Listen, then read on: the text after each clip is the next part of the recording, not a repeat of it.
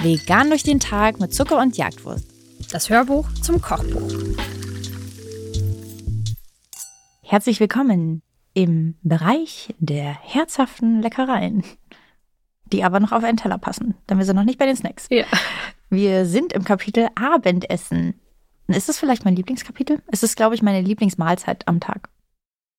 Weil du dir besonders viel Aufmerksamkeit schenkst. Hm, Wahrscheinlich auch nicht so richtig. Ja, Mhm. ich finde so Mhm. Mittagessen hat man ja dann doch irgendwie noch manchmal einen Zeitdruck, aber beim Abendessen, da kann man sich auch mal Zeit lassen. Zum Beispiel für ein Risotto. Unser Grundrezept in diesem Kapitel. Ähm, in den darauffolgenden Seiten seht ihr auch, wieso, denn Risottos sind unfassbar wandelbar. Ist die Mehrzahl von Risotto Risottos? Nee, das war gerade falsch, oder? Risottinis? Italiener hassen diesen. Trick. Mhm. Wir wissen es nicht, aber es sind auf jeden Fall verschiedene Vorschläge für Risotto. Wahrscheinlich bleibt es einfach so dabei. Naja, jedenfalls ist es ähm, dein Basic-Rezept, denn du hast dich richtig tief eingearbeitet in die Materie der schlotzigen ähm, Reis. Das Wort benutzt Töpfe. man vermutlich für kein anderes Rezept, oder? Mhm. Das Ja, ist stimmt. dem Risotto vorbehalten. Ähm, ja, wir haben das als Grundlagenrezept fürs Abendessen genommen und es könnte einige Menschen vielleicht erstaunen, weil man irgendwie dann doch denkt, dass es irgendein Pastagericht eher ist oder irgendein Kartoffelgericht bei uns. Wieso haben wir uns fürs Risotto entschieden?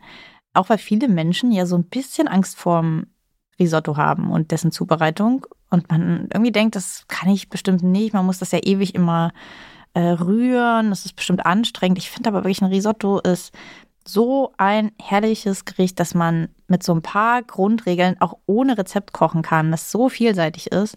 Und deswegen habe ich mich dafür eingesetzt, dass das Risotto das Grundlagenrezept Das wird. klingt, als hätten wir eine richtig große Diskussion darüber gehabt. Ich habe eine Petition eingereicht.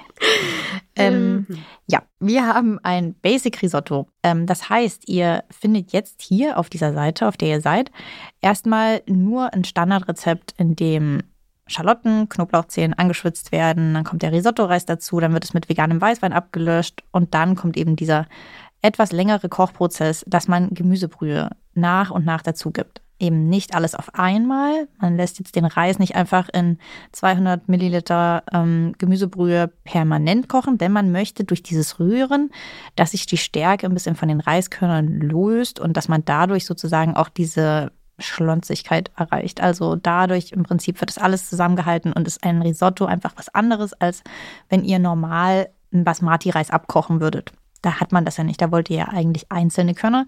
Beim Risotto hättet ihr ja bestimmt auch gern lieber ein cremiges Gericht.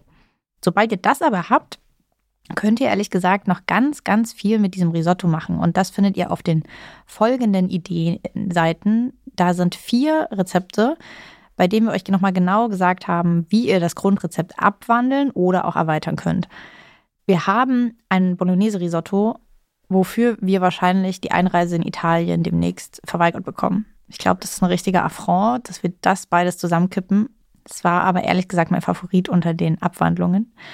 Und alle anderen, selbst die, die auch gemerkt haben, dass das schon grenzwertig ist, haben gesagt, es schmeckt aber leider wirklich gut. Ähm, deswegen gewagte Kombination. Ich empfehle es euch. Ein bisschen ähm, entspannter ist wahrscheinlich so das Lauchrisotto mit Räuchertofu, wo der Räuchertofu so ein bisschen als äh, knusprig salzige Komponente oben drauf kommt. Wir haben auch noch ein Safran-Nuss-Risotto und ein grünes Risotto, bei dem ihr so eine Art kleiner Erbsen-Püree, Erbsen, ähm, Pesto, wenn ihr so fast wollt, mit ganz vielen Kräutern äh, rangebt. Das schmeckt sehr, sehr frisch. Ähm, ich habe beim Testen tatsächlich noch zwei Risotto mehr damals probiert. Die sind da rausgeflogen aus Layout-Gründen. Deswegen Shoutout hier an unser Pilzrisotto. Das findet ihr allerdings auch online. Und an ein Tomatenrisotto, das wie gesagt leider keinen Platz mehr hatte, für das wir ähm, passierte Tomaten verwenden ähm, und dafür ein bisschen weniger Gemüsebrühe und am Ende auch noch Ofentomaten draufgepackt haben. Das also zumindest als kleinen Hinweis. Dazu, was noch möglich wäre. Ansonsten ist aber wirklich ein Risotto wahnsinnig einfach gemacht. Also es gibt so ein paar Grundregeln, die man beachten sollte. Machst du oft Risotto? Geht so. Aber wofür hast du, also hast du keine Lust Ich habe keine Zeit? Angst davor, wenn du Nein. das mich fragen wolltest. Ähm, nee, ich ähm, denke irgendwie gar nicht so oft an Risotto. Risotto findet in meinem Denkprozess, wenn ich Hunger habe, einfach nicht so oft statt, obwohl ich das übelst gern esse, muss ich sagen. Hm.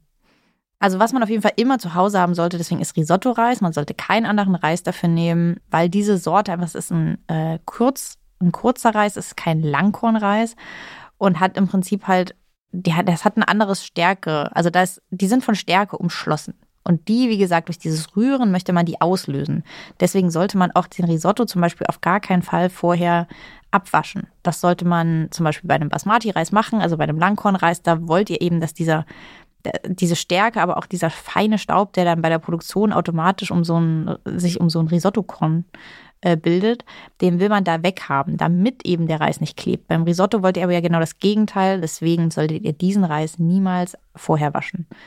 Und ansonsten, ehrlich gesagt, ist, das steht aber auch ja im Rezept drin, wichtig, dass die Brühe warm ist.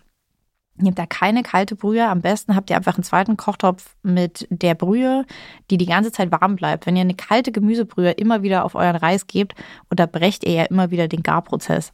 Das heißt, die Temperatur muss dann erst wieder hochkommen und dadurch ist es auf jeden Fall ein bisschen schwieriger für den Reis gleichmäßig zu garen. Und ansonsten gibt es übrigens auch wie bei Pasta auch ein Al dente bei Reis. Also auch da sollte man sich ein bisschen an die äh, angegebenen Kochzeiten halten. Der Risotto-Reis sollte nicht zu weich werden. Genau, und ich habe noch zwei Anmerkungen zu zwei Zutaten, ähm, die ihr rechts in der Zutatenliste findet. Und zwar der, die erste Sache, die hast du erklärt, Risotto-Reis. Ähm, dann darunter steht aber noch veganer Weißwein. Und vielleicht fragt euch jetzt, wieso denn veganer Weißwein? Ähm, Wein wird geklärt und zwar oft durch ähm, tierische Bestandteile. Deshalb könnt ihr beim Einkaufen einfach mal darauf achten, dass da so ein kleines V oder so eine Sonnenblume drauf ist. Ganz oft steht jetzt auch vegan drauf. Ähm, die meisten Bio-Weine sind eh vegan. Also deswegen steht da veganer Weißwein, weil nicht jeder Weißwein vegan ist. Und ganz unten in der Liste steht noch veganer Parmesan bzw. Hefeflocken, womit wir sehr gerne Risotto abrunden. Ähm, ihr findet ein Rezept für veganen Parmesan auf dem Blog. Den könnt ihr da ganz toll drüber streuen. Das schmeckt sehr, sehr gut. Und falls ihr Hefeflocken noch nicht kennt, in diesem Kapitel werden sie sehr oft vorkommen, zum Beispiel auch in der Lasagne auf jeden Fall und in Aufläufen allgemein, denn ähm, Hefeflocken sind nicht Haferflocken. Hefeflocken sind getrocknete, gewalzte Hefe und die schmecken leicht käsig. Und deswegen streut man die ganz gerne über solche Gerichte, damit sie einfach so ein bisschen einen Umami-Flavor kriegen. Findet ihr im Biomarkt und auch in größeren Supermärkten, aber noch nicht in jedem Supermarkt. Aber auf jeden Fall klasse, wenn ihr keinen veganen Parmesan findet ähm, oder keinen selber herstellen wollt. Hefeflocken sind auch eine Alternative. Beachtet jedoch, da handelt es sich auch nicht um aktive Hefe. Also wenn ihr einen Hefeteig machen wollt, sind Hefeflocken nicht das, nee. was ihr möchtet. Jetzt haben wir aber sehr viel erzählt. Ja. Ähm, wir sind sehr gespannt, für welche Abwandlung ihr euch entscheidet, aber geht da auch auf jeden Fall eurer eigenen Kreativität nach. Ihr könnt das alles als Sprungbrett sehen. Ihr könnt ja die Augen schließen und dann einfach irgendwo hin tippen und das kocht ihr dann. Okay, das ist ein bisschen ähm, vorgegeben, wenn auf jeder Seite nur zwei zur Auswahl Aber trotzdem, man kann ja trotzdem ganz wild Babymischer machen mit den Händen und dann einfach irgendwo auf dem. Oder ihr sagt einfach, ich gehe zum nächsten Menschen, der in der Nähe von euch rumsteht und sagt 1, 2, 3 oder 4. Ähm, legt vorher die Reihenfolge fest und dann entscheidet euer Risotto-Schicksal über euren Abend. Na, dann sind wir sehr gespannt, wofür sich das Schicksal bei euch entscheidet. Viel Spaß damit.